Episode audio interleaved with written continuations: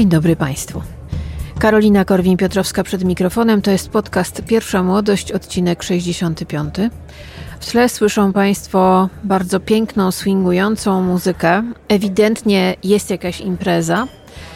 No tak, no bo dzisiaj w podcaście Pierwsza Młodość, um, który ma swoją premierę zawsze w piątki o godzinie 18 na Spotify, na Apple Podcast, na Google Podcast i na YouTube, a patroni, bo podcast powstaje dzięki Patronite'owi, patroni z Patronite od progu 25 mają co tydzień bardzo piękny newsletter. Dzisiaj ten newsletter będzie naprawdę przepiękny. Będzie retro, będzie o pięknych kobietach i o pewnym mężczyźnie. No właśnie. Będzie między innymi o tym, co takiego zrobił Truman Capote swoim łabędziom, swoim łabędzicom. Tak naprawdę, bowiem miałam okazję zobaczyć kilka odcinków serialu Feud, czyli Truman Capote vs. Swans, który no, pokazywany jest w Ameryce, jeszcze się nie skończył. I postanowiłam Wam trochę o tym opowiedzieć i trochę o samym Capotim, bo rzeczywiście sprawa jest, można powiedzieć, poważna. Sam serial, no opowiem Wam o nim, o tym, co zobaczyłam i jakie to wywarło na mnie wrażenie. W Ameryce jest bardzo dużo o tym artykułów, dużo się o tym pisze i mówi. Odkurzono całą masę informacji, artykułów, źródeł na temat Trumana Capote i na temat kobiet z socjety nowojorskiej, które stały się bohaterkami pewnego skandalu, o którym za chwilę. No właśnie, dzisiaj będzie o pewnym mężczyźnie, pisarzu, artyście, plotkarzu, homoseksualiście, który żył jak chciał, bo zawsze chciał żyć tak jak chce, chociaż jego dzieciństwo nie dawało mu do tego zbyt wielkiej szansy. Truman Capote urodził się 30 września 1924 roku w Nowym Orleanie, czyli w tym roku będzie 100 lat jego urodzin. Zaczął pisać, kiedy miał 8 lat. Naprawdę, pierwsze opowiadania, ale oficjalnie zadebiutował w wieku lat 20. Sam nauczył się pisać i czytać, i pisanie stało się jego ucieczką. Wymyślał najpierw historię sobie sam w głowie i przelewał to wszystko na papier. I ta ucieczka przed rzeczywistością, która mm, była dość brutalna, ponieważ on był owocem swojej niepełnoletniej, 16-letniej matki z pewnym akwizytorem, który uciekł. Mm, jego matka była bardzo piękną kobietą o zupełnie innych ambicjach i aspiracjach, no ale tak się zdarzyło, że pojawił się Truman, mm, mężczyzna, z którym ona zaszła w ciążę. Nie dość, że zostawił ją w ciąży, to jeszcze zabrał wszystkie pieniądze. No i ta młoda kobieta, myśląc, że na początku będzie miała męża, dom, Pamiętajmy, to są lata dwudzieste. Feminizm, delikatnie mówiąc, nie jest modny. Więc y, posiadanie męża i posiadanie domu i posiadanie jakiejś stabilizacji to było to, o czym większość kobiet marzyła. No ale ona się rozwiodła z tym mężczyzną i nie za bardzo sobie radziła z macierzyństwem, w związku z tym mały Truman mm, trafił do swoich ciotek pod, pod opiekę rodziny. No i te ciotki przerzucały go sobie z rąk do rąk, no ale jakoś dorastał, uczył się obserwować świat i był takim wrzodem na pamięci swojej matki, bowiem ilekroć patrzyła na niego, to przypominał jej o tym, jak była niezbyt mądra w wieku lat 16. Do tego jeszcze okazało się, że Truman, owoc niezbyt szczęśliwego związku, obdarzony został przez naturę bardzo wysokim, dość piskliwym głosem, na który nie dało się nie zwrócić uwagi. Całe jego zachowanie no, wzbudzało duże zainteresowanie. Widać było, że on nie jest taki jak inni chłopcy. Niezbyt wysoki, 1,60 m wzrostu, bardzo szczupły, takiej chłopięcej, dziecięcej buzi. Nieskłonny do bujek, raczej siedział, obserwował, pisał. Szlifował talent tak naprawdę w każdej wolnej chwili. Szlifował swój warsztat, który jest, stał się potem legendarny, ale tak naprawdę no, matka nawet go do psychologów prowadziła po to, żeby się dowiedzieć, że jest homoseksualistą i że to raczej nie jest uleczalne. Marzył o tym, żeby być sławnym pisarzem i chciał żyć tak, jak on chce, a nie tak, jak mu narzucają. W końcu pojechał do Nowego Jorku, zaczął pisać dla Harper's Bazaar, wydrukowano pierwszy jego zbiór nowel, on nosi tytuł Zatrzaśnij ostatnie drzwi, no ale potem pojawiła się powieść debiutancka, Inne głosy, inne ściany, absolutnie moim zdaniem wybitna, no, słuchajcie o kim? O pewnym samotnym chłopcu, który wychowuje się na południu Stanów Zjednoczonych. Ta książka zawierała bardzo wiele wątków autobiograficznych, ale to był taki początek tego, tej wielkiej kariery Trumana Capote i pokazywała przede wszystkim ogromną wrażliwość, ogromny talent literacki, umiejętność opisywania, ubierania w słowa rzeczy bardzo trudnych i intymnych. No i stał się młody chłopak w Nowym Jorku, zdolny, przystojny, zabawny, dowcipny, elokwentny no stał się maskotką. Stał się bardzo szybko maskotką śmietanki towarzyskiej Nowego Jorku i to, co w dzieciństwie e, było powodem do jego wytykania palcami, do tego, że był wyśmiewany i że własna matka trudno go, z trudnością go akceptowała, czyli jego homoseksualizm, jego styl życia, jego styl bycia jego głos, jego zachowanie, machanie rękami, jego gestykulacja, mm, jego szaliki noszone bardzo długie do ziemi, o które łatwo się było potknąć, jego styl ubierania. Nagle okazało się, że to ma swój jakiś walor. I kobiety z wyższych sfer Trumana Capote uwielbiały. Naprawdę. Na długo zanim to bodaj w seksie w Wielkim Mieście wpadło to zdanie, że gej jest najlepszym przyjacielem dziewczyny, no mm, w latach 50. Nowy Jork już to wiedział, bo ten gej to był Truman Capote i on był najlepszym przyjacielem całej masy dziewcząt. Posłuchajcie jego głosu. To jest głos Trumana Capote z 1970 roku. Występuje wówczas w Dick Cavett Show. I to jest bardzo ciekawe, ponieważ będzie to miało związek z tym, co, o czym dzisiaj będę Wam mówić. On mówi o tym, bo, ponieważ on dorabiał sobie bardzo często jako scenarzysta i jako autor dialogów. Dialogi jego były rewelacyjne, znaczy naprawdę miał wyczucie tego, jak należy pisać do, pod kamerę. No i on między innymi pisał dialogi e, do filmu Johna Hustona, polski tytuł Zabij Diabła, film z 1953 roku i właśnie w tym fragmencie Dick Cavett Show, obok niego zresztą na kanapie siedzi Jean Moreau i Lee Marvin, takie kiedyś były kanapy w talk showach. W tym filmie grał Humphrey Bogart, Jennifer Jones i Gina Lollobrigida. I on opowiada, to był jej w ogóle debiut amerykański, i on opowiada, co zadziałało, że ona nagle stała się pięknością, bo on o niej mówi, że ona była dość zwyczajna, że była takim podlotkiem i nagle pojawiła się przed kamerą. I to jest o tym, czym jest piękno, czym jest piękno przed kamerą i dlaczego kamera kocha jednych, a niezbyt kocha drugich. Truman Capote, rok 1970, opowiada o Ginie Lollobrigidzie w filmie Beat the Devil, czyli Zabij diabła. Posłuchajcie tego charakterystycznego głosu. Well, I've been sitting back there in the room listening to all of you talk. I was uh, very interested in what you were talking about um, beauty. Uh, beauty. as, in, uh, as uh, applied to a performance on a screen and what happens to a person photogenically because I have a theory. I, I worked with a lot of actors, mostly doing the scripts, but being on the sets and watching what happens to them. And the first time I ever remember watching this phenomena, I did a movie with John Huston called Beat the Devil with Humphrey Bogart and Robert Morley and Gina Lola Bridgerton. Yeah, that's one of the funniest and movies ever made. Thank you, because I yeah. think it's kind of I liked it myself. But anyway. Um, but the extraordinary thing was this girl who had never appeared in an, in a, an American film before speaking English came there, learned uh, the part phonetically, and uh, she wasn't really, she was pert. Mm-hmm. You know, she was cute. She was pert. She had a certain sort of little thing.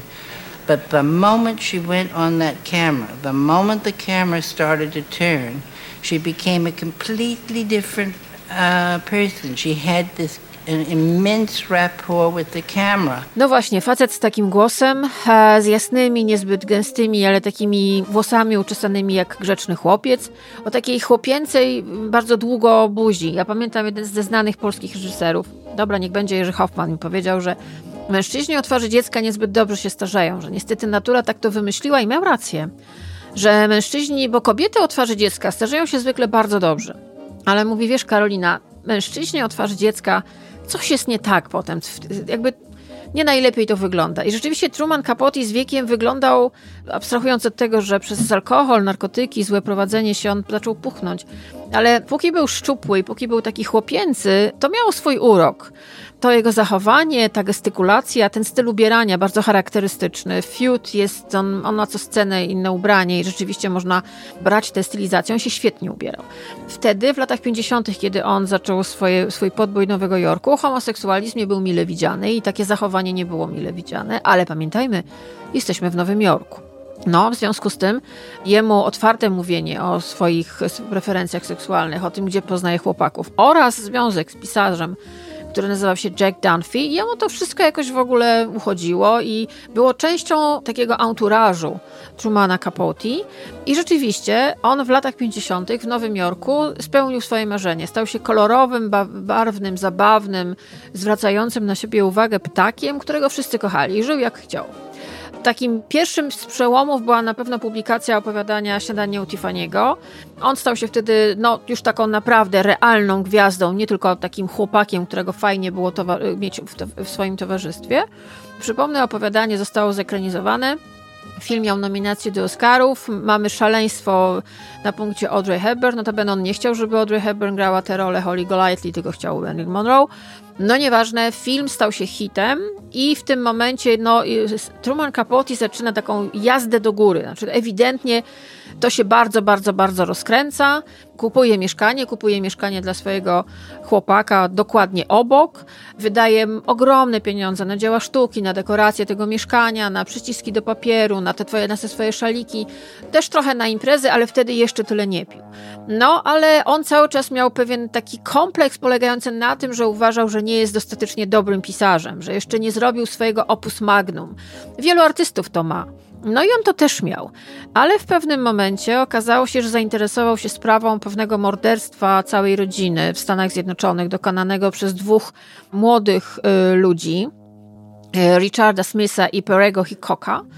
I postanawia jechać do tej miejscowości, w której dokonano tego potwornego mordu. Spędza tam bardzo dużo czasu. Na prowincji amerykańskiej, dość konserwatywnej, on w tych swoich szalikach, z tym swoim zachowaniem, ale kompletnie oni zwariowali na jego punkcie i on zaczyna od nich wyciągać, od tych lokalsów tam różne informacje na temat tej rodziny, na temat tego, co się stało i w ogóle no, tworzy swoje opus magnum, czyli z zimną krwią.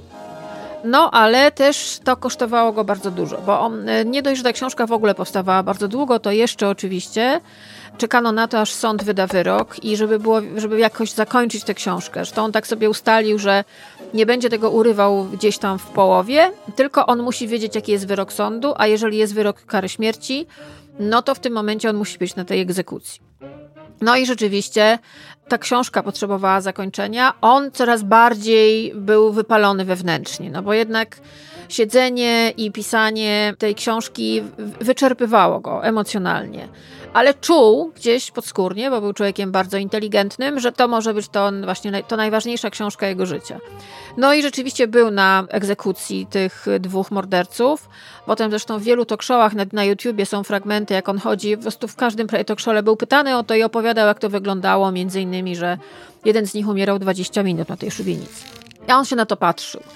No i wychodzi książka w 1966 roku z zimną krwią. Ich świat szaleje. Znaczy, to jest rzeczywiście książka, sposób pisania, to, że mamy rodzaj true crime, czegoś nie było takiego do tej pory nigdy na świecie i Truman Capote staje się królem. Znaczy, rzeczywiście, po pierwsze staje się milionerem, zarabia ogromne pieniądze na tej książce i na jej przykładach na całym świecie. Ta książka jest globalnym hitem. No a do tego jeszcze jest gwiazdą w ogóle.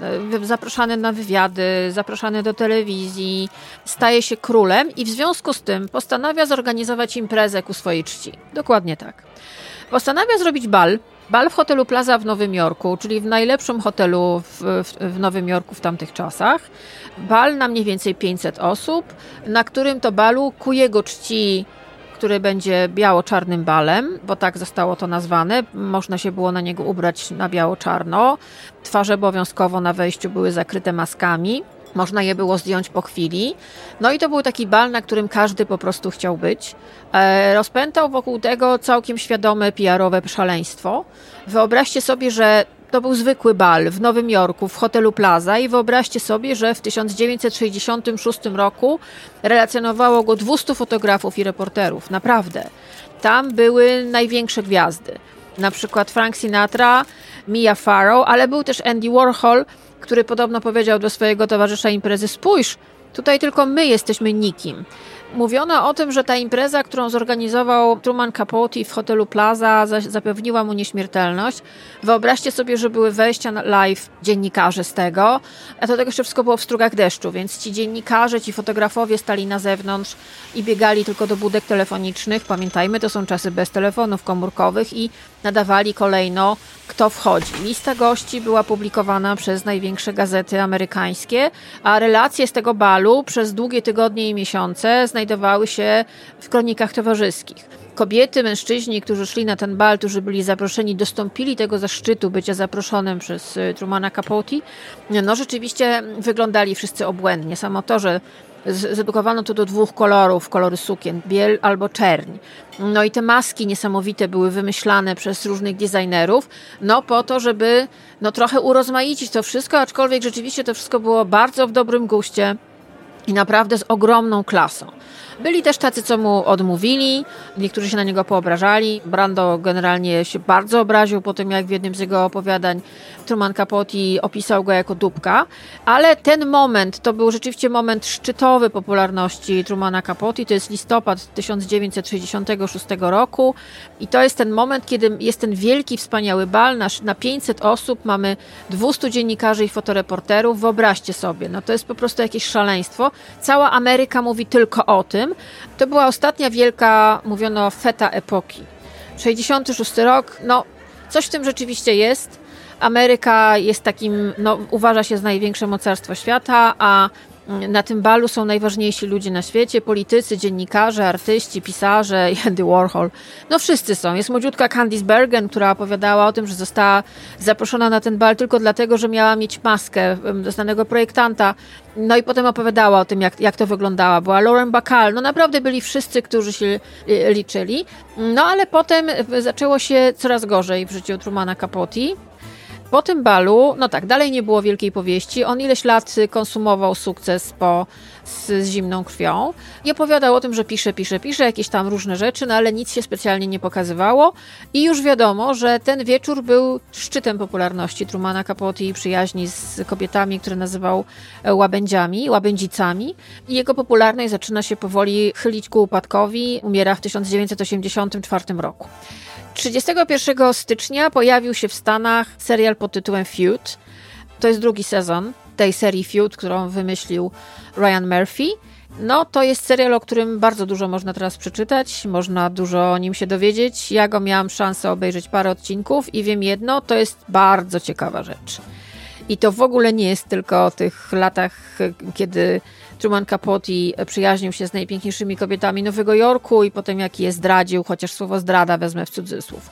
Posłuchajcie, wyobraźcie sobie tak, taką sytuację. Jesteśmy w restauracji La Côte Basque w Nowym Jorku. O niej opowiem wam za chwilę. E, żebyście wiedzieli, kim jest Truman Capote. To jest scena z serialu Feud i występują w niej Demi Moore jako Anne Woodward.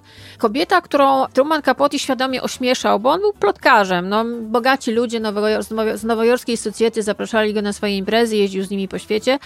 No i on na nią mówił piw-paw. Z racji tego, że ona zastrzeliła swojego męża, oficjalna wersja była taka, że pomyliła go ze złodziejem. Nieoficjalna wersja była taka, że po prostu on zagroził jej rozwodem parę dni wcześniej i ona postanowiła go zastrzelić. I wszystko upozorowała tak, wyglądało to rzeczywiście tak, jakby ona miała powody sądzić, że jakiś złodziej atakuje, znaczy włamuje się do jej domu. Anne Woodward publicznie w Lakot Basque w miejscu, gdzie spotykała się cała socjeta nowojorska, innymi Truman Capote i jego łabędzice, wparowuje tam w pewnym momencie i krzyczy na niego, dlaczego rozpuszcza plotki po całym Nowym Jorku o tym, że zamordowała swojego męża. W tej scenie występują Demi Moore jako Anne Woodward, nie do końca może łabędzica z kręgu łabędzic Strumana, ale kobieta, o której on lubił pisać i ewidentnie uwielbiał się na niej wyżywać, i Truman Capote, czyli Tom Hollander. We were close. Just tell me why. Dude, let, let, let me go, Slim. No, he's, he's, I mean, it's, it's torture. I hear it everywhere. I don't even know how you can be sitting here with him. Just tell me why, Truman. Well, you know, I liked you once. I liked you quite a bit. But then I heard behind my back you called me a fag. So I thought I'd be a fag and show you what a fag can do when he's angry. When he's very angry. And when he's been betrayed by someone he actually liked, even though I knew what Truman, you were. sit down. And you sit down too. Even if you are a killer, as he says. He has a typewriter, and you don't. Scena, którą e, słyszeliście przed chwilą, pochodzi z serialu Feud Truman Capote vs. Swans, czyli Kobiety Capotiego. To jest też książka pod tym samym tytułem. E, jak już powiedziałam, od 31 stycznia jest w Stanach Zjednoczonych i to jest rzeczywiście bardzo ciekawa sytuacja, bardzo ciekawa rzecz. Jest to 8 epizodów. Ja nie widziałam jeszcze wszystkich i bardzo żałuję. Oparte to wszystko jest na książce, o której wam kiedyś mówiłam, Kobiety Capotiego Lorenza Limera której opowiada o tym, jak doszło do tej wielkiej zdrady w świecie glamour, opowiada sporo o Capotim i opowiada o kobietach, które właśnie on miał jakoby zdradzić. O co wszystko poszło? Po 20 latach mniej więcej bycia w środowisku pięknych, bogatych miliarderów, ich żon, kochanków, kochanek, dzieci, e, rezydencji, po 20 latach słuchania najintymniejszych sekretów tych kobiet, z wiszącym na głową jak miecz Damoklesa e, wizją napisania, skończenia nowej powieści, e, Capote w magazynie Esquire wypuszcza jeden rozdział przewidywanej do wydania powieści La Côte Basque, 1965, taki ma ona tytuł. E, jest to on e, opisany jako fragment powieści Wysłuchane modlitwy. No i się zaczyna, bo La Côte Basque to jest ta restauracja w Nowym Jorku, która istniała od e, końcówki lat 50. do 2004 roku. I to była taka, jak to mówią, świątynia kuchni francuskiej, czyli kuchni francuskiej, którą jadły bogate sfery nowojorskie to wreszcie było aspirowali do tego, żeby się znać na francuskim jedzeniu i na francuskim winie. I tam byli legendarni szefowie kuchni, którzy gotowali. Zresztą w serialu Feud jest tego masa tych scen. Ci kelnerzy znali gości prawie po imieniu. No tam się spotykała no, no, nie tylko nowojorska śmietanka, ale także towarzyska, ale też hollywoodzka. Przychodzili tam politycy, no i przychodziły tam te wszystkie łabędzice razem z Trumanem Capote. No i tam się ten y, Truman z nimi spotykał i tam Truman Capote z nimi gadał, pijał szampana bywał w ich domach, a jednocześnie słuchał, notował, zapamiętywał. Pytanie, czy ich nienawidził. Nie będę tego tutaj rozstrzygać, ale sobie słuchajcie, poczytałam trochę. Zacznijmy od y, wywiadu rzeki, znaczy wywiadów zebranych w książce Truman Capote rozmowy Lawrence Grobel. I tutaj jest cały rozdział, który skupia się właśnie na e, La Côte Basque i na, skupia się na tej niedokończonej powieści wysłuchanej modlitwy. Ja Państwu przeczytam fragment. To jest strona 238, e, rozmowy e, Laurensa Grobe, Grobela z Trumanem Capote. Panowie się bardzo dobrze znają. I teraz posłuchajcie. Zacznijmy od pytania. Czy oprócz ciebie istnieją jeszcze jacyś pisarze, którzy z taką wnikliwością piszą o ludziach bogatych? Nie, ponieważ nie mają oni o bogatych żadnego pojęcia. Właściwie, gdyby Gore potrafił pisać, a nie potrafi, Możliwe, że mógłby napisać coś o bogatych o tym świecie. Chociaż nie wiem, bo Gore nie żył w tym świecie dość długo, nie żył w nim od dzieciństwa i nie jestem pewien, czy on wie na ten temat wystarczająco wiele. Co ty uważasz za bogactwo? pyta Grobel. I posłuchajcie tego. W dzisiejszych czasach to co najmniej 500 milionów dolarów. Luzem. Takich, jakie w każdej chwili masz pod ręką. Znam kogoś, Czyli roczny zarobek z jednego tylko źródła wynosi 5 milionów dolarów i nie płaci on od tego ani jednego grosza podatku, ani centa. Zawsze, kiedy na niego patrzę, doprowadza mnie to do wściekłości. To bardzo wielkoduszny człowiek, który rozdał miliony muzeum, uczelniom, próbując wykupić się z tego położenia. Odziedziczył te pieniądze, sam nie zapracował na to ani trochę. Jednak już na samą myśl, że on dostaje 5 milionów dolarów rocznie i nie musi płacić od tego podatku, miałbym ochotę go udusić. To są słowa Trumana Capote z, książ z książki, którą jeszcze dzisiaj będę cytować. Truman Capote, rozmowy Lawrence Grobel. No właśnie, serialu Feud na pierwszej linii mamy obsadę. Ta obsada rzeczywiście jest genialna i muszę powiedzieć, że ona robi ten film. No bo tak, w roli Babe Paley występuje Naomi Watts jako Slim Keith, Diane Lane, Chloe Sevigny jako Sizzy Guest, Kalista Flockhart jako Lyra Dziwił, Demi Moore wspomniana wcześniej jako Anne Woodward, no i oczywiście Tom Hollander jako Truman Capote. Posłuchajcie fragmentu klipu z serialu Feud. Wyobraźcie sobie taką scenę. Jesteście w Lakot Bask. Oczywiście, bo tam się wszyscy spotykają i Truman Capote nawet po tym, jak y, wydał ten fragment powieści Lakot Bask w magazynie Esquire, w którym ośmieszył część swoich łabędzic. No i spotykacie się przy toalecie. No jest takie miejsce, gdzie czasami ludzie się spotykają. Truman wychodzi i podchodzi do niego Slim Keith czyli Diane Lane, której on w sumie nie, nie, nie, nie, za dużo tam o niej napisał w tym tekście. Ja go naprawdę czytałam i trudno jest tam znaleźć coś, co by się bezpośrednio do niej mm, odnosiło, ale Slim spotyka Trumana Capote przy toalecie. On jest w takim momencie, że już wie, że coś w jego życiu się skończyło i on ewidentnie chyli się już zdecydowanie ku upadkowi. No i Slim Keith jako ta wyszczekana, wygadana najbardziej chyba ze wszystkich jego łabędzic, grozi mu pozwem o zniesławienie, a on odpowiada, uwaga, że dzięki temu, co o niej napisał, uczynił ją nieśmiertelną. Oto fragment z serialu Feud Capote vs. Swans, czyli Diane Lane i Tom Hollander. Posłuchajcie. I miss you, Slim. If I'm truthful, I miss Babe more, but... Truthful? How about this for truth? I'm suing you for defamation. And if you want more legal woes, send Babe an invitation to your sorry little party. I dare you. Slim, get real, dear. You were all immortalized by me. Admit you actually appreciate the. Appreciate the what? The philandering men, the idle, shallow, pornographic women. You told more lies to hurt people than. Who does that? Never let the truth get in the way of a good story. No właśnie, te kobiety, które on podobno ośmieszył we fragmencie, który został wydrukowany w 1975 roku w magazynie Esquire, chciały go pozwać. Tylko tak, z serialu dowiadujemy się, że nie wszystkie i generalnie nie pozwała go żadna. Nie było żadnej sprawy sądowej. Pokazany jest ten moment, kiedy magazyn Esquire ląduje nagle na biurkach wszystkich na stolikach do kawy i nagle wszyscy go czytają. I teraz dochodzi do takiego momentu, że te kobiety przekonane o swojej absolutnej wyjątkowości, wręcz boskości, myślą, że wszyscy wiedzą, że w tym tekście jest o nich. Natomiast myślę, że nie do końca łapały konwencje i nie, nie do końca rozumiały, że Truman Capote, spędzając z nimi kilkadziesiąt lat, z niektórymi ponad dwadzieścia, no mógł się zainspirować, jak kiedyś Francis Scott Fitzgerald, Edith Wharton, czy Marcel Proust jakimiś osobami, które rzeczywiście spotkał w realnym życiu i niekoniecznie to jest kronika ich życia. Główną postacią obok Trumana Capote w tym serialu jest kobieta, o której warto wspomnieć. Nazywała się Babe Paley, czyli Barbara Cushing Mortimer Paley. Ona żyła w latach 1915-1978 i to była kobieta, która urodziła się w bardzo dobrej rodzinie Cushingów i teraz to jest rodzina tak zwanych łaspów, czyli amerykańskiej arystokracji protestancka, której potomkowie albo byli milionerami, albo córki były wydawane za mąż. Pamiętajmy, w tych czasach generalnie rolą kobiety było dobrze wyjść za mąż.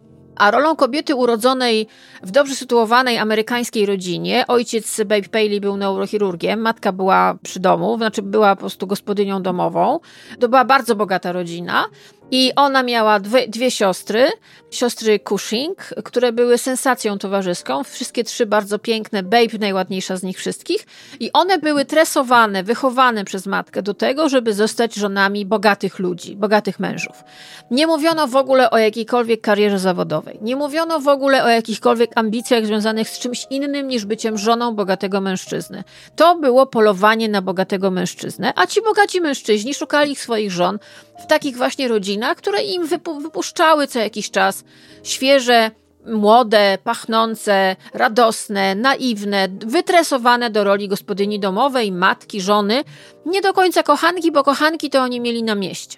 Chodziło o to, żeby dziewczyna znalazła miejsce u boku, byśmy dzisiaj powiedzieli, nie wiem, utrzymanka, sugar daddy, jest cała masa określeń. No ale takie było wtedy życie. One po prostu były y, zobowiązane do tego, żeby dobrze wyjść za mąż. Obie siostry Babe Paley wyszły bardzo dobrze za mąż. Ona zadebiutowała w wieku lat 18 na balu debiutantek. Wiadomo, wtedy tylko dziewczyny z dobrych domów, z wysokich sfer miały bale debiutantek. No i to był rodzaj takiego, powiedziałabym dzisiaj z perspektywy lat, targu żywym towarem, gdzie się przyglądano tym dziewczynom i już mniej więcej mówiono tato za tego, tato za tamtego. One były rodzajem układu po prostu między rodzinami. Było wiadomo, nie wiem, jeżeli czytaliście kiedykolwiek albo widzieliście film Martina Scorsese Wiek Niewinności, no to tam jest dokładnie ten motyw, gdzie May Welland staje się obiektem, prawda, powiedziałabym, rozgrywki o jej, jej przyszłość.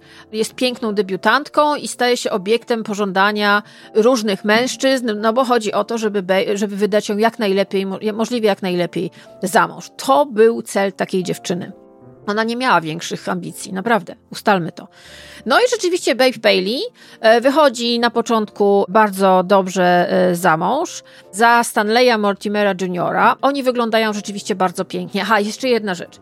Babe Bailey po tym balu debiutantek, który, mm, no, ona się potem staje gwiazdą mediów, rzeczywiście jest bardzo piękna, bardzo szczupła, to jest bardzo ważna cecha jest smukła, ma 1,75 m wzrostu, tak mniej więcej, tak między 74 a 75 tak podawana jest, więc jak na tamte czasy była bardzo wysoka, bardzo szczupła, ona prawie nie jadła, zresztą Truman Capote jej to wytykał. Naprawdę bardzo atrakcyjna, ale niestety w pewnym momencie dochodzi do wypadku samochodowego, w wyniku którego ona, y, no różne są opisy, ale na pewno straciła zęby, plus trzeba było jej rekonstruować żuchwę.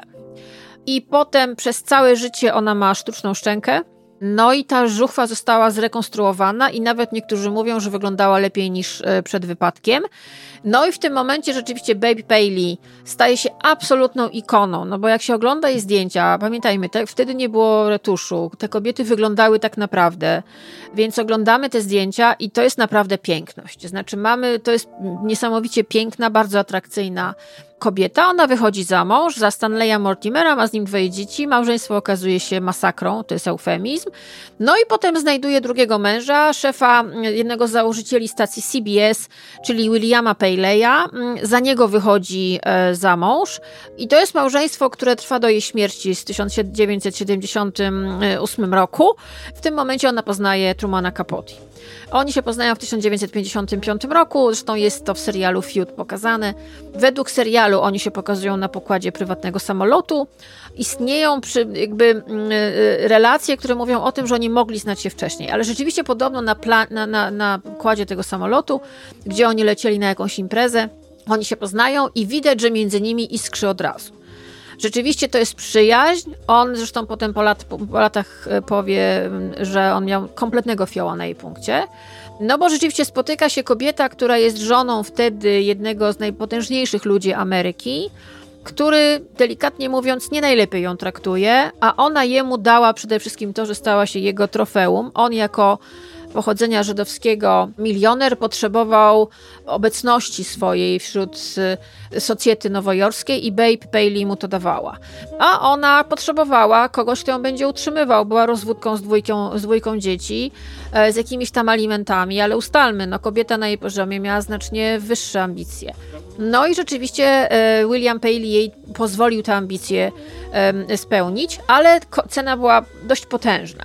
Zacznijmy od tego, że oni po tym jak spłudzili dwoje dzieci, bo z tego małżeństwa ona też ma dwoje dzieci, praktycznie przestali ze sobą sypiać, mieli osobne sypialnie, mieszkali w jakimś abstrakcyjnie ogromnym apartamencie w centrum Nowego Jorku, w którym mogli się w ogóle nie widywać tygodniami. Tak było rzeczywiście. Do tego ona wiedziała, że jest zdradzana na prawo i lewo. Co jest ciekawe, ona była smukła, wysoka brunetka, a on ją zdradzał głównie z takimi no, seksownymi blondynkami, jak na przykład Marilyn Monroe, bo mówiło się, że smalił do niej cholewki. Zdradzał ją non-stop, ale też zdradzał ją z kobietami ze sfery nowojorskiej, z wielkimi nazwiskami. Tam jest nawet w jednym z odcinków seriali, serialu słynna afera z tak zwaną plamą krwi wielkości Brazylii na łóżku. Nie będę wam tutaj sprzedawała tego, ale to jest opisane w wysłuchanych modlitwach. To jest rzeczywiście inspiracja tekstem Trumana Capote, ale rzeczywiście no, był to mężczyzna, który, no dzisiaj chyba byśmy powiedzieli, że był seksoholikiem po prostu, ale zachowywał się niesamowicie agresywnie wobec kobiet. W ogóle był agresywny, miał wypuchy różnych e, nastrojów i emocji. Jego współpracownicy o tym donosili, do tego był kutwą, ale też chciał, żeby jego żona i żeby to wszystko, żeby ich mieszkanie, to wszystko było świadectwem jego bogactwa i ich pozycji społecznej. Truman Capote był, był takim jej, no, no, był jedynym przyjacielem, jakiego chyba ona miała. Myślała o tym, żeby się rozwieść, bo mąż ją rzeczywiście publicznie upokarzał. No to powiedział jej Truman podobno coś takiego, słuchaj, Bill cię kupił, nie masz nic, jesteś rozwódką z dwójką dzieci, uspokój się. No i to jest podsumowanie całej tej historii. Ona po tym, jak jej to Capote powiedział, poszła spać, obudziła się już więcej nie mówiła o rozwodzie. Miała, tak jak już powiedziałam, czwórkę dzieci. Swoich dzieci unikała. Ten wątek też jest y, w, w serialu Feud lekko pokazany, natomiast jej własna córka mówiła o tym, że nie miała praktycznie w ogóle kontaktów z matką i to nie dlatego, że ona jako jej córka chciała, to i matka tak zadecydowała. Rzeczywiście ona nie umiała, nie chciała zajmować się dziećmi, miała, zawsze mogła się czymś wymigać. Dzieci odstawione od piersi leciały po prostu pod skrzydła opiekunek i do prywatnych szkół. One miały nie przeszkadzać. Tam jest taka scena, ona rzeczywiście mrozi krew w żyłach. Ona jest naprawdę znaczy to pokazuje, jak żyły te kobiety.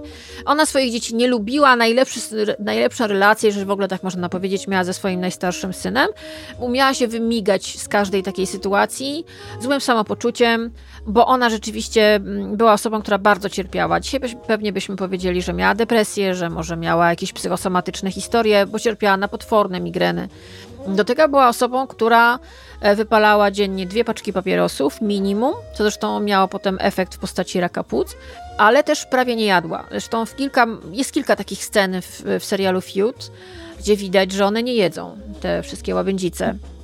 A jeszcze do tego William Paley stawiał Babe bardzo wysokie standardy piękna i ona po prostu musiała im sprostać. On po prostu miał kobietę, która była jego trofeum. Tak kiedyś było. On był miliarderem, on dyktował warunki. Ona co prawda kiedyś pracowała jako redaktorka Vogue, no ale w 1947 roku przestała tam pracować. Stała się kobietą przy mężu, czyli absolutnie zależną od jego pieniędzy, od jego humorów. Powiedzielibyśmy dzisiaj przemoc ekonomiczna i pewnie tak było. No ale ona nie miała innych możliwości, znaczy funkcjonowania. Musiała w tym tkwić do końca. Na koniec podobno wylała mężowi, co o nim sądzi. No dobrze.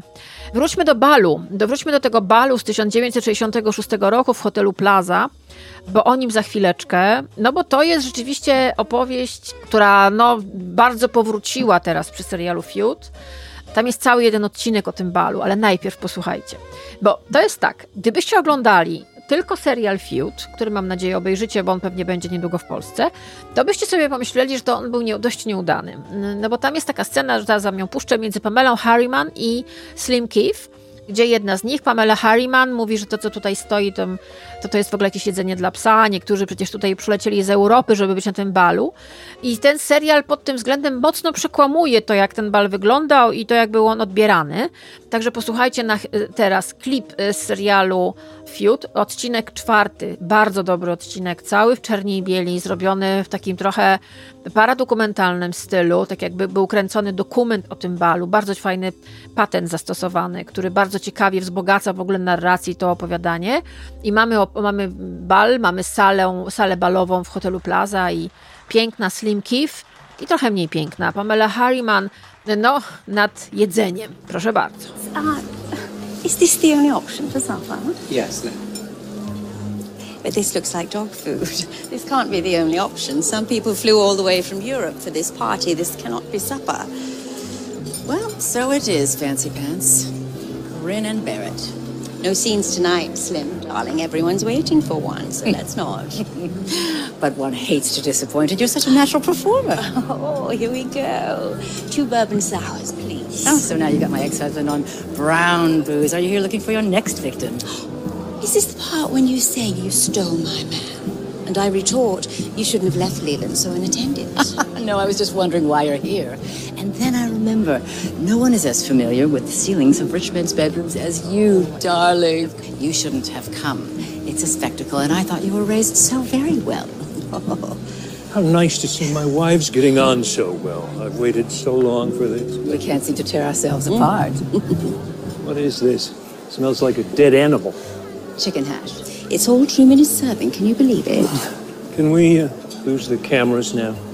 No właśnie, czwarty odcinek serialu Feud to jest bal. To jest ten bal z 1966 roku i to jest y, opowieść o tym, jak ten bal powstaje, jak wymyślają y, zaproszenia, jak wymyślają, jak będą wyglądały stoły. Pamiętajmy, to są lata 60. To jest jeszcze ten moment, gdzie socjeta się bawi i te bale są ważne. Lista gości jest ważna, między innymi Truman Capote przez trzy miesiące chodził z takim specjalnym notatnikiem po Nowym Jorku i wszystkich no, uwielbiał oglądać ludzi, którzy pytają go, czy będą na liście, czy kogo zaprosił, czy mnie zaprosiłeś. On mówi, nie no nie wiem, nie wiem, a może cię wykreślę. Bawił się tymi ludźmi po prostu jak kot myszą. To było niesamowite. Wszyscy to podkreślają. W tym odcinku mamy przygotowanie do tego balu. Mamy całą opowieść, jak się jego y, łabędzice do tego wszystkiego szykowały, a miejmy świadomość, to jest bal, który relacjonuje 200 reporterów i 200 dziennikarzy. Zresztą, uwaga, uwaga, posłuchajcie, to jest fragment autentycznych newsów CBS mówiących o tym balu. Posłuchajcie. If you were rich enough, or social, or beautiful enough, you would have been here to see for yourself. And as somebody said unkindly, if we were rich enough, or social, or beautiful enough, Tak to wyglądało. Wyobraźcie sobie dziki tłum przed hotelem Plaza w deszczu, gapie, fotografowie, dziennikarze. No to jest dokładnie jakbyśmy mieli jakieś rozdanie Oscarów, a to jest tylko bal nowojorskiej socjety na 500 osób. Rok 1966, Hotel Plaza, Nowy Jork. Gospodarzem jest Truman Capote i zaprasza różnych ludzi, tak? Rządzących światem i Ameryką przy okazji. Oczywiście ktoś może powiedzieć, zblazowana świetanka towarzyska przyjechała się zabawić, ale też to było wydarzenie modowe. To było wydarzenie kulinarne, bo wbrew temu, co słyszymy w serialu, to nie było tak źle, jak niektórzy tam, jak tam sugerują. Między tymi smokingami, czarno-białymi sukniami, to zresztą robi ogromne wrażenie też w tym odcinku serialu i na zdjęciach archiwalnych. Ja patronom wyślę linki z tego, bo są do dziś zdjęcia, jest cała masa zdjęć archiwalnych z tego balu. Tak jak mówię, no masa ich powstała. No i rzeczywiście tam y, same te stroje robiły ogromne wrażenie.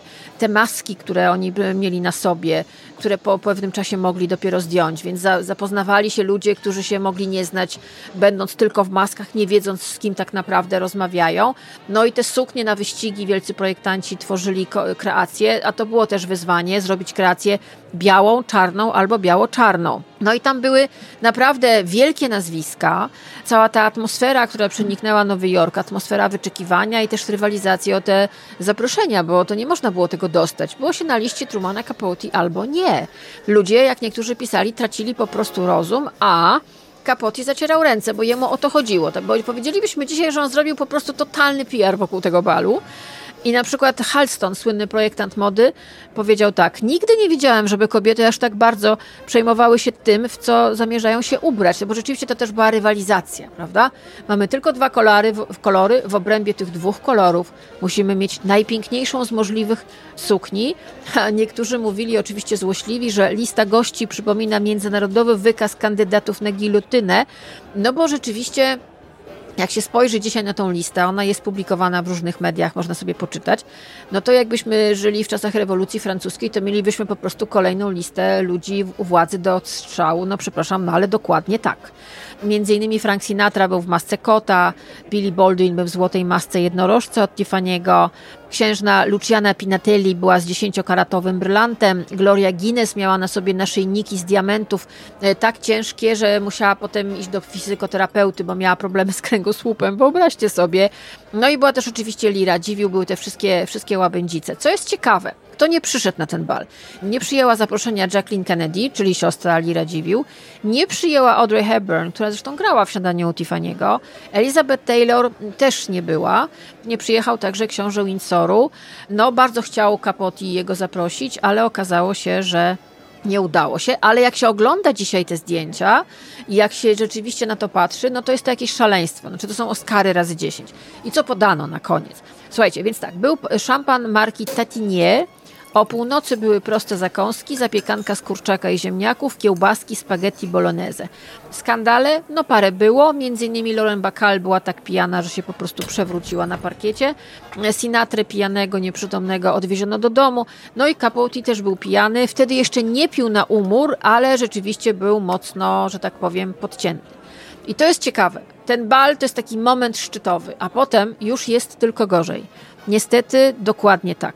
Posłuchajcie teraz, to jest znowu klip z serialu Feud, odcinek czwarty, właśnie ten z balem. I to jest Kalista Flockhart jako Lira Dziwił.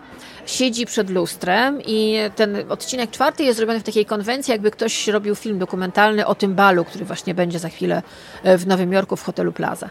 Kalista Flockhart, zresztą fenomenalna jako Lira Dziwił, nie kryje żalu z powodu chwiejności obietnic Trumana Capote, no bo każdemu obiecywał bycie gościem honorowym na jego balu, na którym chciał być każdy. Ona też myślała, że będzie gościem honorowym, zresztą posłuchajcie, podczas układania monstrualnej fryzury i sprawdzania, czy aby na pewno nie opadła mi żuchwa. Za chwilę o tym, jak one dbały o urodę. Lira Dziwił, czyli Kalista Flockhart, mówi do kamery o tym, jak chwiejnym człowiekiem jest Truman Capote. Posłuchajcie. We have a man, a celebrated little man, trying to outdo himself in a ballet called Dance of the Seven Trumans, wherein he spins himself into butter for having made so many declarations to so many friends. Best friends. Oh, you're my best friend in the world, of course. Of course you're the guest of honor, babe. I mean Slim. I mean Lee. I mean etc. W ciągu tak naprawdę kilku najbliższych lat z ulubieńca nowojorskiej socjety stał się jednym z najbardziej znienawidzonych osób, a to wszystko, nazywano go nawet małym terrorystą. Wszystko za sprawą jednego rozdziału nowej książki, która, której publikacja się zbliżała, czyli La Côte Basque, która została wydrukowana w listopadowym numerze Esquire w 1975 roku. No i co tam zrobił Truman Capote? Ja to przeczytałam teraz. Mam to w domu. Uwielbiam Trumana Capote i bardzo lubię jego pisanie. No i słuchajcie, no po prostu napisał opowieść o nowojorskiej socjecie, w ogóle o ludziach ze sfer show biznesu, biznesu, polityki. To jest bardzo szczere i to jest bardzo brutalne. Tennessee Williams powiedział, że to, co Capote napisał, jest szokująco odrażające i oszczercze. Zresztą on tam się pojawia jako pierwowzór jednej z osób, która opisana jest w tej książce, jako był tam jako klient Gejowskiego Domu Publicznego. Reakcja, z jaką spotkało się wydrukowanie La Côte Basque w Esquire w 1975 roku była bardzo duża. I jak dzisiaj czyta się tę książkę, która rzeczywiście napisana jest bardzo dobrym językiem, bardzo płynnie się to czyta. Ja to po raz kolejny połknęłam w ciągu tak naprawdę dwóch wieczorów, doceniając kunszt pisarski Trumana Capote, doceniając przede wszystkim dialogi i takie różne smaczki, które on wrzuca. Powiem tak, gdybym nie wiedziała, że to chodzi o te kobiety, w ogóle bym na to nie wpadła. Myślę, że mamy też do czynienia z charakterystyczną sytuacją ludzi, którzy myślą, że są niezbędni dla funkcjonowania świata i którzy myślą, że są centrum wszechświata. Niektórzy nazywają to narcyzmem, ale oni naprawdę myśleli, że świat kręci się wokół nich i że wszyscy wiedzą, że to jest o nich. I niektórzy przyjęli się tym nawet za bardzo, bo Anne Woodward, którą on nazywał Piff Puff, i którą rzeczywiście on mocno, tak powiem, gdzieś byśmy dzisiaj powiedzieli, kancelował. Ona po tym artykule połknęła śmiertelną dawkę sekonalu, bo ona była tam opisana. Uznano w pewnym momencie nawet, i jest taka scena pogrzebu Anne Woodward, Trumana Capote za mordercę, za niewdzięcznika, który zdradził tych, którzy 20 lat temu przyjęli go do siebie, których domach bywał, pił ich alkohol, ich szampana, no i też niezmiennie bawił żony bogatych ludzi. Ten moment opublikowania tego tekstu to jest w ogóle punkt wyjścia do całej historii, którą opowiada serial Feud. I to jest opowieść o tym, jak właśnie ta przyjaźń okazuje się wcale nie być przyjaźnią, a może tak naprawdę po prostu ktoś zapomniał o tym, że jednak Truman Capote jest pisarzem i pisarz po prostu kradnie historię od ludzi, zabiera je, gdzieś tam zapamiętuje, tym bardziej, że był wpuszczany w rejony, w świata, w pomieszczenia, do historii, o których ludzie po prostu nie mieli zielonego pojęcia, a ludzie kochają plotkować, no po prostu to uwielbiają. No właśnie, wracajmy do serialu.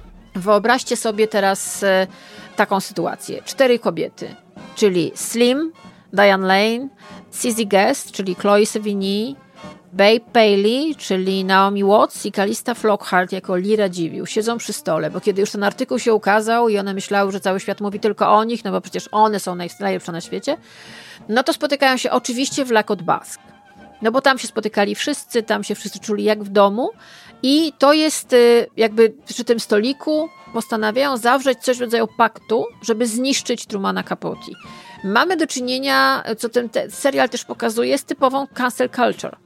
Postanawiają po prostu cztery bardzo wpływowe kobiety doprowadzić do tego, żeby Capote nie był nigdzie zapraszany, żeby nie odbierać jego telefonów, nie odbierać jego kwiatów, nie odbierać w ogóle żadnych zaproszeń od niego, bo, bo w pewnym momencie pojawia się pomysł, że on chce zrobić kolejny bal, który miałby być takim balem jakby przeprosinowym, tam do końca nie wiadomo, ten bal się oczywiście nigdy nie odbył, ale Chodzi o to, żeby przestać chodzić z nim na imprezy, przestać się z nim pokazywać i żeby na przykład pokazywać się na imprezach z innymi homoseksualistami, którzy są równie zabawni i cudowni jak Truman Capote i tam podają konkretne nazwiska. Chodzi o to, żeby go po prostu zniszczyć. Te cztery kobiety siadają sobie w tej eleganckiej restauracji, gdzie spotykają się najbardziej pożądani, najbogatsi ludzie Nowego Jorku i nie tylko, i zawierają coś w rodzaju paktu, żeby zniszczyć jednego pisarza 1,60 m wzrostu tylko dlatego, że napisał o nich fragment opowieści, która jeszcze w ogóle nie jest wydrukowana. Posłuchajcie. There's only one thing to be done now. I need your word. We stand united and we destroy him. I need you all to promise not to waver. Oh, I'm in, honey. If you go out, you go out very, very ostensibly with other homosexuals. The men who would have been second choice after Truman. The evenings that Truman lives for? No. It's Bill. Bill Blast. Charming, civil, witty, knows everything you need. Truman won't have anyone to go to an opening with. He'll be stuck at home in that sad little apartment at the UN. Don't accept any more notes. None of his words. No flowers. Make sure he knows they are rejected. Thank you. And the phone calls, they must be refused. Because he will drink and he will call and he will weep and he will plead and he will beg and he will simper. CZ what? I think it's cruel. Deliberately small. CZ, don't break ranks with us here. Jak się tego słucha, to rzeczywiście brzmi to naprawdę dość brutalnie, ale taki jest ten serial. On pokazuje moim zdaniem, poza wszystkim jeszcze, to jak wygląda canceling. Jak można się po prostu dogadać, żeby kogoś zniszczyć, tylko dlatego, że ten ktoś ci nie pasuje. I nagle z pozycji super przyjaciela staje się super wrogiem. Ten serial jest w ogóle bardzo ciekawy, pogadam chwilę o nim, zanim go pewnie mam nadzieję obejrzycie, jak będzie na streamingu. Jest bardzo ciekawy, bo zaczyna się w 1984 roku, kiedy Truman Capote umiera i on patrzy na łabędzie pływające po jakimś zbiorniku wodnym i cofamy się w czasie. I to jest opowieść rzeczywiście od lat 50., kiedy on trafia do tej socjety nowojorskiej, amerykańskiej, tych najbogatszych ludzi i on jest taką zabawką. Oni go traktują trochę jak taką laleczkę, taką, takiego klauna do zabawy. No bo co on robi? On siada, tym swoim głosem, który przed chwileczką y, słyszeliście, ubrany zawsze bardzo elegancko. Zimą to był zawsze szalik, który, którego frędzle y, ciągnął za sobą po ziemi. Miał zawsze jakiś kapelusz, luźny płaszcz i taką zawsze dużą torbę. Roześmiany, inteligentny, uroczy, cudowny, palący papieroski, pijący dość dużo, coraz więcej alkoholu, opowiadający różne ploteczki. Więc tak naprawdę był ich, powiedzielibyśmy, dzisiejszym pudelkiem. Tylko sadzali go na kanapie. Kanapa była oczywiście designerska, w eleganckich wnętrzach wartych miliardy dolarów i zaśmiewali się do jego ploteczek. Zabierali go ze sobą na wakacje, zabierali go do letnich rezydencji. On był mał maskotką, był małpką. I oni szczycili się tym, że go znają, a Babe Paley uważała go za swojego największego przyjaciela, a on był, jak sam powiedział, zwariowany kompletnie na jej punkcie. I rzeczywiście to jest też opowieść trochę o tym, że no, nie ma nic gorszego jak zapomnienie w pewnym momencie, że człowiek, którego gościsz u siebie na kanapie, jest po prostu bardzo dobrym obserwatorem. Dzisiaj porównałabym to do bardzo częstych i bardzo bliskich relacji celebrytów z prasą, z prasą podkarską. Ja nie znam nikogo, kto by się na tym nie przejechał. Znaczy, to, to zawsze się tak kończy. Przychodzi moment, kiedy, nie wiem, trzeba rachunki zapłacić i twoje tajemnice wypowiadane o czwartej nad ranem na schodkach nad Wisłą stają się tajem, tajemnicą publiczną i po prostu, po prostu widzisz z tego artykuł na pudelku. Ja znałam takie historie, więc wiecie, to jest też trochę opowieść o tym, że ci ludzie zobaczyli taką wesołą, kolorową małpkę, do tego geja, chociaż generalnie środowisko było bardzo homofobiczne. I ten motyw homofobii się tam pojawia. Nie będę wam zdradzała gdzie i kiedy, ale on jest. To jest też środowisko rasistowskie. Mówiłam wam o mężu Bay Paley który był Żydem i dla którego małżeństwo z nią właśnie było wejściem z buta, że tak powiem, w środowisko amerykańskiej socjety. Normalnie nie miałby na to najmniejszych szans, bo był Żydem po prostu, najzwyczajniej. I nagle mają taką kolorową małpeczkę, która się świetnie z nimi się, się z nią gada, gaworzy, bawi, która, co jest też bardzo ciekawe, ci bogaci mężowie bardzo chętnie wypuszczali swoje żony z Trumanem Capote, bo wiedzieli, że gej, no to nic z tego nie będzie. Wiedzieli, że one będą zaopiekowane, że ktoś je wysłucha, że ktoś z nimi pobędzie, ktoś je poklepie po ramieniu. I już się nie chciało tych żon już słuchać. Jak już spłodzili te dzieci, przynajmniej niektórzy, to już mieli z głowy, już nie chcieli. Tak jak ja wam powiedziałam, Bay Pelli nie spała 10 lat ze swoim mężem, nawet rozpuszczano plotki, że ona jest aseksualna, chociaż miała różnych kochanków potem, ale oni mieli osobne sypialnie i w ogóle osobne życie. Ci ludzie funkcjonowali jako fasady, jako bajki, tak jak dzisiaj na Instagramie, idealnego życia. No. Na zewnątrz prezentowali idealny wizerunek męża, żony, dzieci, kotki, pieski, nie wiadomo co. Dom w Hampton, cudowne wakacje, wspaniale, mamy nowy obraz, tutaj jakaś galeria, tu oczywiście Lakot Bask i nasz przyjaciel Truman Capote, bo przecież my nie jesteśmy kretynami, my znamy pisarzy. To jest też jeszcze ważny aspekt całej tej historii i w tym serialu to jest. Capote nie dostał żadnych nagród literackich, bo jego właśnie koledzy uważali, że jest że zbyt komercyjny. On za to świetnie się czuł w tym środowisku, do jakiego aspirował i w którym funkcjonował przez dobre kilkadziesiąt lat, ale go to gdzieś gryzło i bolało, to, że że uważany był za zbyt komercyjnego pisarza. Do dziś to, to, to się gdzieś wlecze, że jak pisarz jest komercyjny, to powinien umierać na suchoty na przykład i gdzieś w rowie przy drodze dokończyć żywota. Takich lubimy najbardziej, takich, którzy umierają w nędzy, a nie milionerów jak Capote który praktycznie do końca, no może z wyjątkiem ostatnich paru lat, był bardzo dobrze sytuowanym człowiekiem, który miał naprawdę bardzo dużo pieniędzy i któremu do końca płacono za teksty dużą kasę, bo było wiadomo, że nawet najsłabszy tekst Capotiego jest lepszy od wielu bardzo słabych, niby wybitnych tekstów jego kolegów od pióra. No właśnie, ten film, tak jak już wam powiedziałam, jest wybitnie grany. Moim zdaniem to jest koncert gry aktorskiej Naomi Watts jako Babe Paley. Genialny jest Tom Hollander jako Truman Capote. Wspaniale dobrane są wszystkie typy aktorskie. Oddana jest atmosfera tamtych czasów, design, stroje, świat. Wyobraźcie sobie, że oni zbudowali La Côte Basque. Mało tego, kostiumografowie ściągali oryginalne ubrania z epoki, przeszywali je, dostosowywali do ciał aktorek współczesnych. Między innymi jak jakaś bohaterka, jedna z łabędzic na przykład lubiła, było wiadomo, że ona bardzo często w tamtych czasach nosiła Givenchy, bo pamiętajmy, że to są kobiety, które kupowały całe sety ubrań wielkich projektantów z Francji. Miały specjalne garderoby oczywiście i dla nich te ubrania były szyte. No więc zdobywano na przykład Givenchy z epoki, Chanel z epoki. No i to rzeczywiście robi ogromne wrażenie. Widzimy, to jest też dla fanów mody mm, obserwowanie tego serialu, to jak wyglądają te kobiety, jak wyglądają też mężczyźni, bo tam jest świetna moda męska.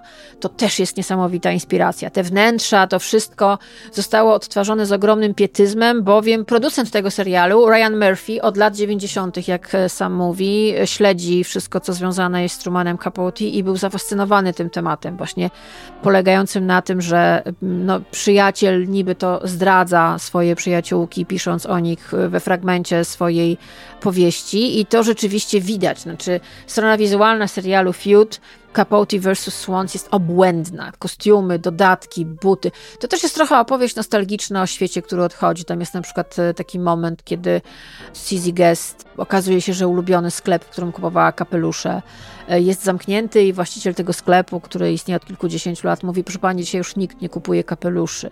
To są jeszcze kobiety, które nosiły rękawiczki, e, jak wychodziły na ulicę. To jest jeszcze ten świat, w którym były pewne zasady, które, no, których trzymano się do samego końca końca. To jest, to jest świat, w którym Babe Paley, która już wie, że jest chora na raka płuc i lekarze nie dają jej wielkich szans. Wyobraźcie sobie sytuację. Naomi Watts jest wielka, wspaniała w tym serialu i jest taki moment, gdzie ona za każdym razem, jak idzie na naświetlania, czy na jakieś badania, czy, czy jedzie do lekarza, Przychodzi fryzjerka, czesze jej włosy, jest, specjalnie się maluje, zakłada najlepsze ubranie i idzie jak na pokaz mody, a potem u lekarza musi to wszystko zdjąć i zostaje w takiej haleczce, jest taka krucha, mamy wrażenie, że ona się po prostu za chwilę rozpadnie.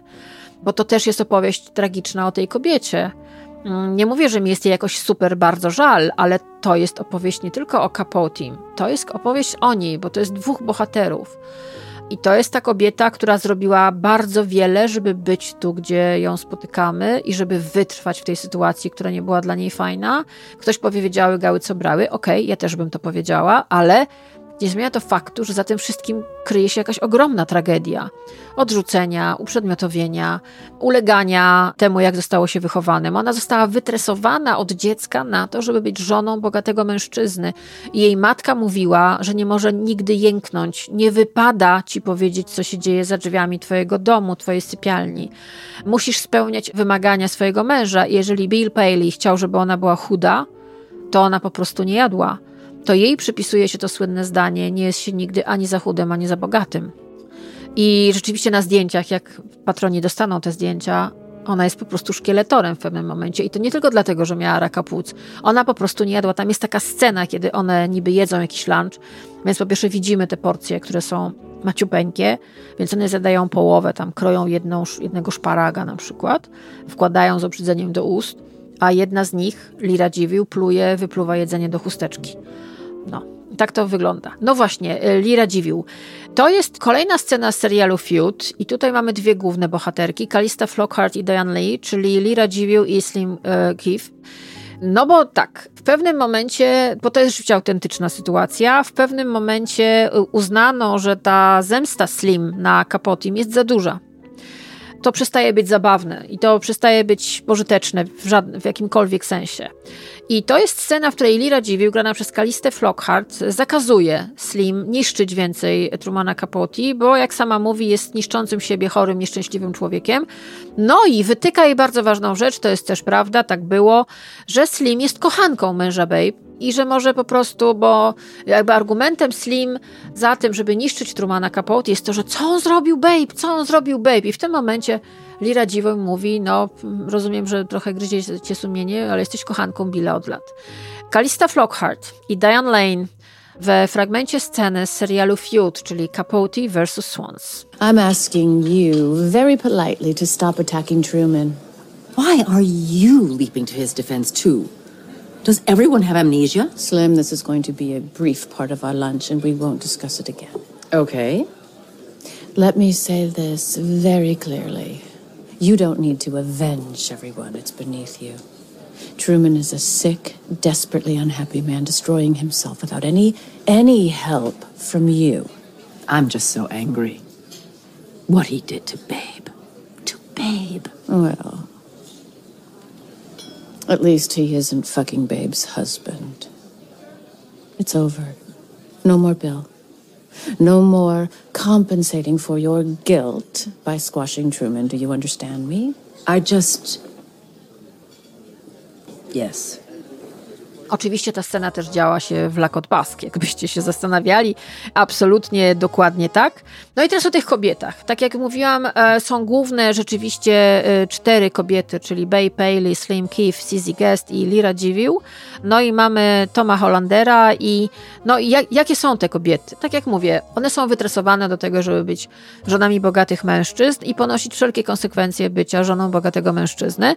Czyli jesteś kobietą trofeum, jesteś kobietą, która ma spełniać jego zachcianki i jego oczekiwania. Masz y, po prostu usuwać mu wszystkie problemy sprzed nóg. To jest też opowieść właśnie mm, o, o, o Babe Paley, która tam są, czytałam w książce y, kobiety Capotiego, że ona potrafiła lecieć na drugi koniec Stanów, żeby tylko kupić jakieś y, frykasy, które lubił jej mąż. Ona była po prostu, jak się czyta o niej dzisiaj, to mamy, ja mam wrażenie, że po prostu była we władzy socjopatycznego gnoma. Nie wiem, czego kochała. Myślę, że miała wrażenie, że daje jej poczucie bezpieczeństwa, ale była tak od dziecka zafiksowana na tym, że musi zrobić karierę jako żona bogatego męża, że pozycja społeczna jest bardzo ważna i że dla niej trzeba zacisnąć zęby i dawać z siebie robić po prostu cokolwiek, że po prostu nie widziała do pewnego momentu, co się dzieje. No potem to jest, wiele osób o tym pisze, że ona chciała się rozwieść i to zdanie, które powiedział do niej Truman Capote Bill cię kupił. To jest też opowieść o kobietach, które nie miały innej możliwości funkcjonowania poza byciem żoną swojego męża. To jest też opowieść o czasach słusznie minionych, gdzie rzeczywiście kobiety nie miały zawodu. One nie mają specjalnie zawodów. No, Sizzy Guest umie strzelać, tak? Lira Dziwił przez jakiś czas funkcjonowała jako dekoratorka wnętrz. Ale zresztą sam Capote się w jednym z odcinków śmieje, no one sobie muszą znaleźć bogatego wujka, żeby je utrzymywał, bo najzwyczajniej w świecie nie będą miały z czego żyć, one i ich dzieci. A status społeczny uzależnia. Bycie na szczycie drabiny społecznej na pewno uzależnia i Truman Capote o tym wiedział. I mówił im to wprost. On był dla nich przyjacielem, przede wszystkim dla Babe. Tam jest taka scena, bardzo smutna, gdzie widać, że ona jest samotną, totalnie bogatą kobietą, w totalnie bogatym wnętrzu. Ale co z tego, kiedy jest po prostu samotna i nie ma komu się wypłakać, nikt jej nie słucha, mąż z nią nie rozmawia, służącej to powie, no nie powie, przecież no nie, po, nie pozwala jej na to pochodzenie społeczne, prawda? I ma tego Trumana, który jest jej chyba jedynym przyjacielem, jakiego ona miała w życiu. Naprawdę. I on, on ją słucha, on jej mówi: Jesteś wspaniała, jesteś piękna, a teraz załóż wielką, wspaniałą suknię. I ona przy nim czuje, że rozkwita, że jest potrzebna. No, to jest naprawdę niesamowicie tragiczna postać. Po raz kolejny powtórzę: Naomi Watts robi kreację, moim zdaniem, jest wspaniała. Co jest też ważne, bo oprócz tego, że to jest opowieść o samotności, o, o tych kobietach, to jest też opowieść o świecie homoseksualistów e, tego czasu. Tak jak mówię, Truman Capote oficjalnie pokazuje swoich kolejnych chłopaków. Też pokazuje nam, widzimy w serialu miejsca, w których on ich poznaje, między innymi sauna. To jest też opowieść o przemocy w związku. Truman Capote, szczególnie pod koniec życia, bardzo często chodzi posiniaczony przez swoich kolejnych kochanków.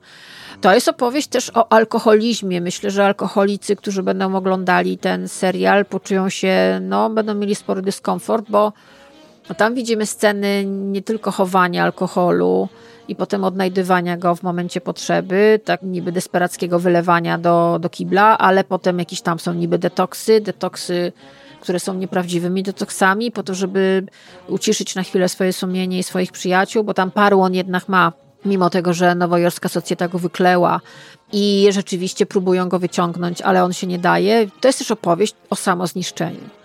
I to się bardzo przykro ogląda, bo mamy też świadomość, tam niektórzy mu mówią, słuchaj, masz taki talent, że mógłbyś po prostu rzucić świat na kolana po raz kolejny.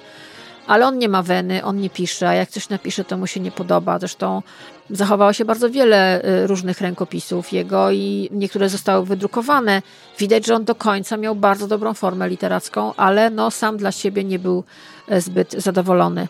On połamany chłopak, E, z Nowego Orlanu, który jakimś cudem znalazł się w Nowym Jorku i rzucił sobie do stóp całą nowojorską socjetę. Dla tych kobiet był też przyjacielem, był trochę konfesjonałem i był człowiekiem, który je rozumiał, przynajmniej takim się zdawało. Ale też miał bardzo brutalny osąd tych dziewczyn, tych kobiet potem. On na przykład wprost mówił, że one nie były zbyt mądre, że one nie czytają książek, one się niczym nie interesują, one czytają czasami pisma kobiece nie są wykształcone, to też wiadomo, co im zarzucał. Poza Slim i Bay czytały naprawdę tylko pisma kobiece. Były wygadane, owszem, tak, tak. Plotkować umiały świetnie, ale jakaś wiedza, cokolwiek, poza y, salonowymi ploteczkami, tego nie ma. Natomiast miały ogromne mniemanie o sobie naprawdę miały świadomość, miały pewność, że świat kręci się wokół nich. I w tym momencie ten cały Truman myślały, że on też napędza cały ten kołowrotek z tą ich popularnością. No potem to się okazało, że nie do końca tak było. Tutaj właśnie jedna ze scen, fragment, jedno zdanie. Slim, czyli Diane Lane, w odcinku o słynnym balu z hotelu Plaza z 1966 roku mówi o tym, że przecież one stworzyły ten Nowy Jork, one stworzyły Amerykę. We made New York. Posłuchajcie. We made New York the capital of the world. The center of everything. One też były nauczone, żeby nie narzekać, żeby godzić się na wszystko i żeby bać się konkurencji. To jest też moment, to w tym serialu się pojawia, ale ja też doczytałam o tym, jak na przykład zaczęły ich córki dorastać. I kiedy córka Babe z pierwszego małżeństwa wyrosła na piękną dziewczynę, ona robiła wszystko, żeby ją zniszczyć. Autentyczne. Bo to była jej konkurencja. Mamusia. Bo to były kobiety, też Truman Capote się śmiał, że bały się dwóch rzeczy: złego światła i konkurencji. Złego światła, bo wiadomo, że w dobrym świetle twarz wygląda na młodszą, no a konkurencja wiadomo. To były kobiety, które, tak jak już powiedziałam, nie jadły, nie rozwijały się specjalnie intelektualnie, nie miały innych zajęć poza byciem znaną, kochaną, lubioną. To brzmi coś znajomo, nie? Trochę jak te celebrytki z dzisiaj. Tylko może miały trochę większą klasę, bo jednak wtedy klasa się liczyła i ludzie aspirowali w górę, a nie w dół, tak jak teraz. No i rzeczywiście, nigdy nie jest się zbyt chudym, ani zbyt bogatym. No właśnie, o tej bogactwie. Kiedy Truman Capote opublikował y, wysłuchane modlitwy, kiedy ten słynny rozdział Lakot Bask, mówiono, że on prawdopodobnie nienawidzi ludzi bogatych, że czuje pogardę do ludzi bogatych, bo no rozjeżdża ich po prostu najzwyczajniej w świecie. Więc sobie e, posłuchajcie. Fragment wywiadu e, Laurensa Grobela z Trumanem Capote, strona 240. Bardzo Wam polecam, jeżeli gdzieś Wam się uda zdobyć tę książkę, bo ona w ogóle jest takim wejściem do głowy Trumana Capote. Posłuchajcie. Pytanie Laurensa Grobela. Malcolm Breenin zauważył, że kiedy dobiegłeś trzydziestki, miałeś za sobą różne etapy. Od bezinteresownych przyjaźni, przez znajomości w świecie show biznesu, po międzynarodową śmietankę towarzyską. Czy myślałeś już o wysłuchanych modlitwach, gdy stałeś się, jak to określa Breenin, maskotką kawiarnianego towarzystwa? Świetne określenie. Maskotka kawiarnianego towarzystwa. Truman Capote odpowiada. Cóż, nigdy taką maskotką nie byłem. Miałem mnóstwo bogatych przyjaciół. Niespecjalnie przepadam za bogatymi ludźmi. Szczerze mówiąc, wobec większości z nich odczuwam coś w rodzaju pogardy. A nie mówiłam?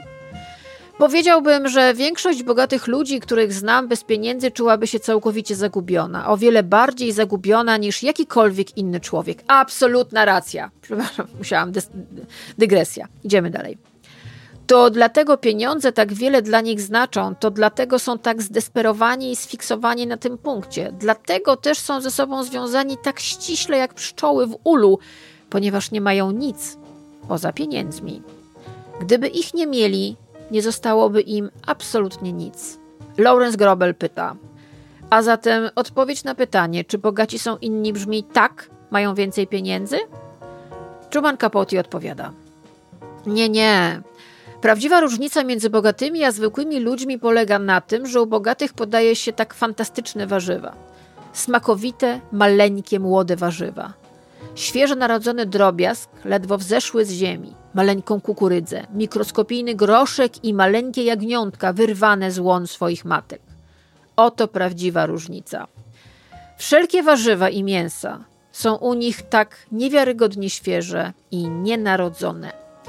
No to jest fragment rozmowy Laurensa Grobela z Trumanem Capote. Radzę wam poczytać, bo to naprawdę świetnie się dzisiaj czyta i jest trochę takim dopowiedzeniem do tego, czym jest fiut. Czym jest ten serial, o którym bez, bez przesady prawie cała Ameryka rzeczywiście y, dzisiaj mówi, bo on odkopał ten mit, który troszeczkę już był przysypany naftaliną i rzeczywiście jest to odkopane w bardzo przyjemny sposób. Aczkolwiek od razu mówię, jest dużo przeskoków czasowych i trzeba moim zdaniem najpierw przeczytać Kobiety Capotiego, Lawrence'a Limera, książka jest po polsku, patroni dostaną oczywiście do niej link, bo ona daje taki background do tego, żeby zrozumieć, co się tam dzieje, bo tych przeskoków czasowych jest bardzo dużo. I rzeczywiście w pewnym momencie, jak się nie ma tej wiedzy pochodzącej z książki Kobiety Capotego, to można stracić wątek. Ale, no właśnie, to posłuchajcie.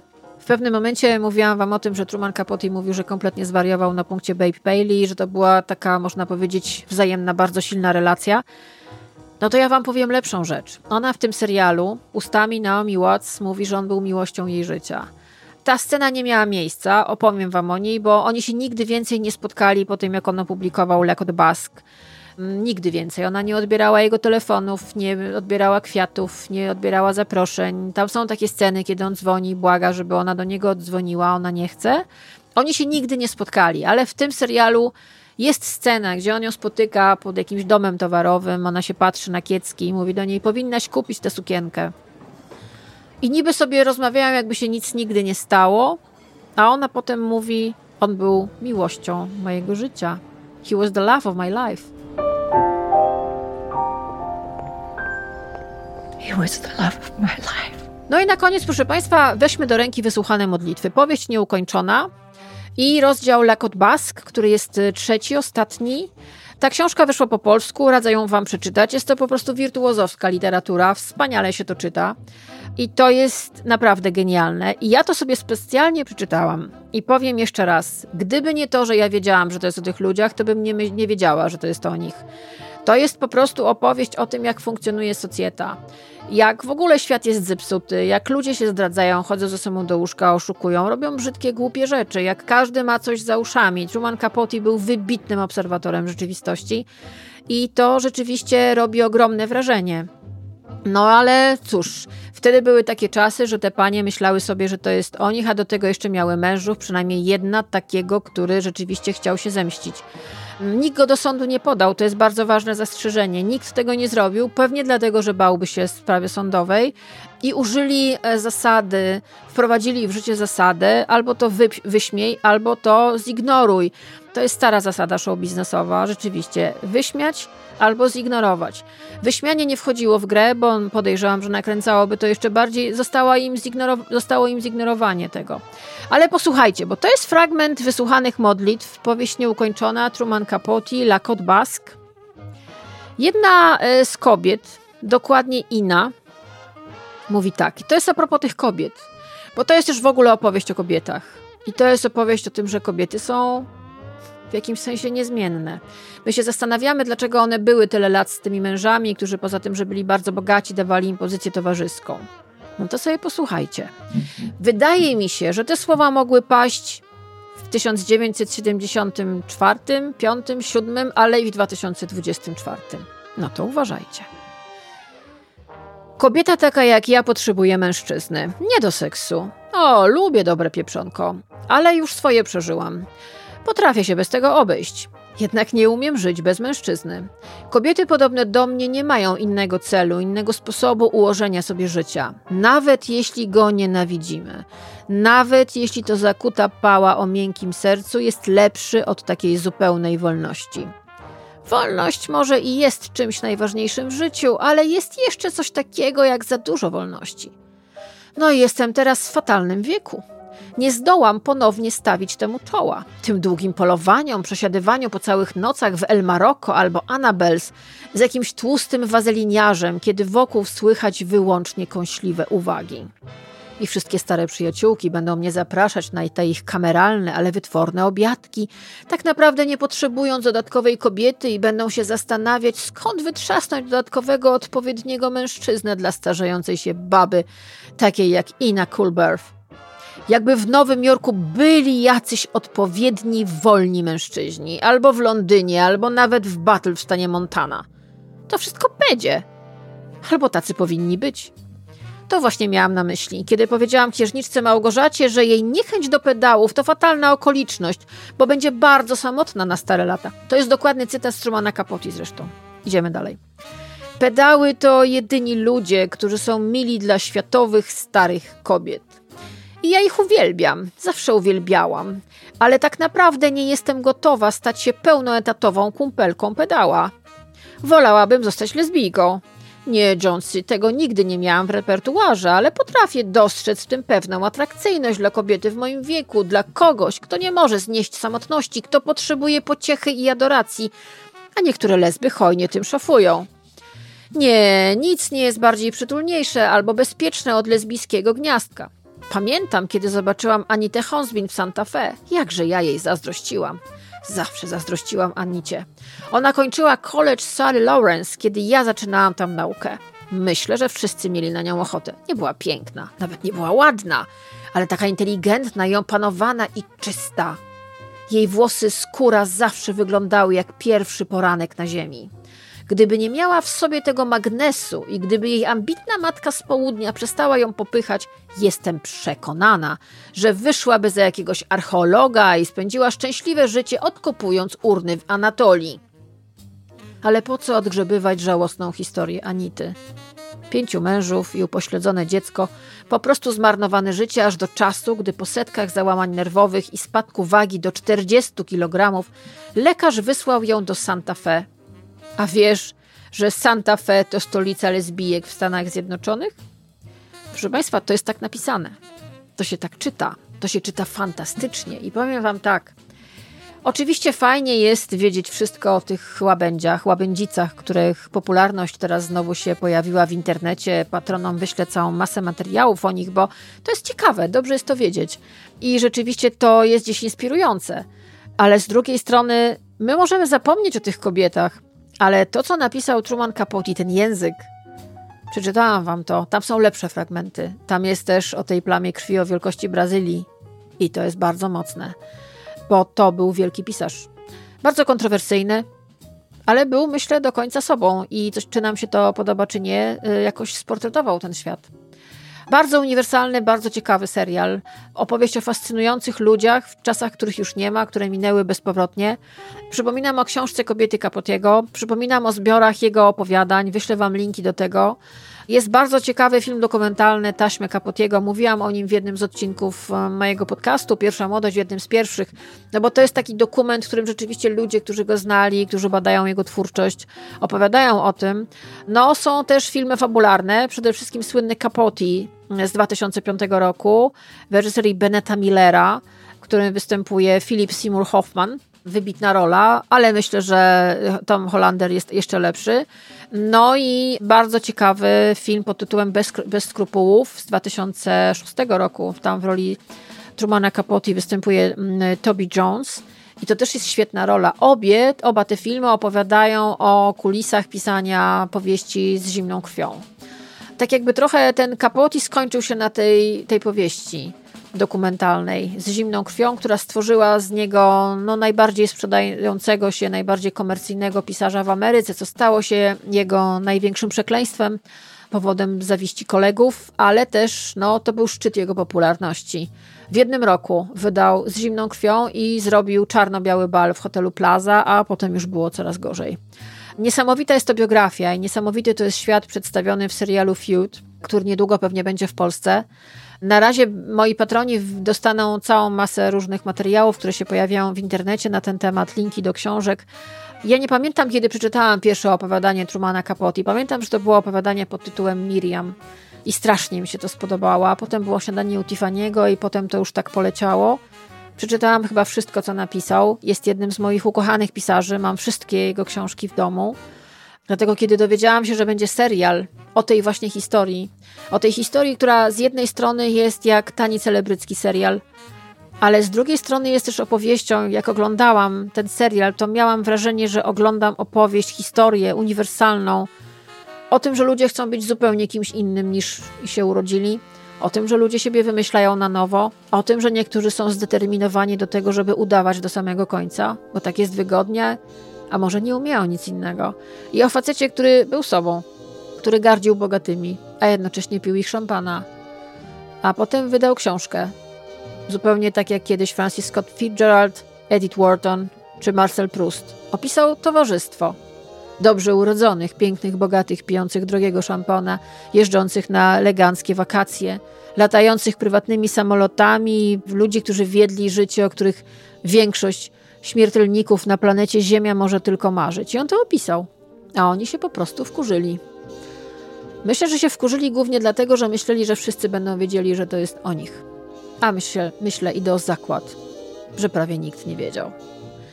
I cała gorzka pigułka polega na tym, że właśnie jego, czyli autora tych słów, autora mm, wysłuchanych modlitw, czyli Lakot Bask, trzeciego, ostatniego rozdziału mm, tej książki, z tych opublikowanych, spotkał ostracyzm. Nazwalibyśmy to dzisiaj cancel culture. Został skancelowany na lata do śmierci. Po prostu go zniszczyły. Powiedzielibyśmy bogate, nowojorskie, zawistne, narcystyczne baby, z których jedna była miłością jego życia i która o nim mówiła, że on też był miłością jej życia. Paradoks, nie? No, w sumie całe życie. To rozstaje się z wami. To był podcast Pierwsza Młodość, odcinek 65.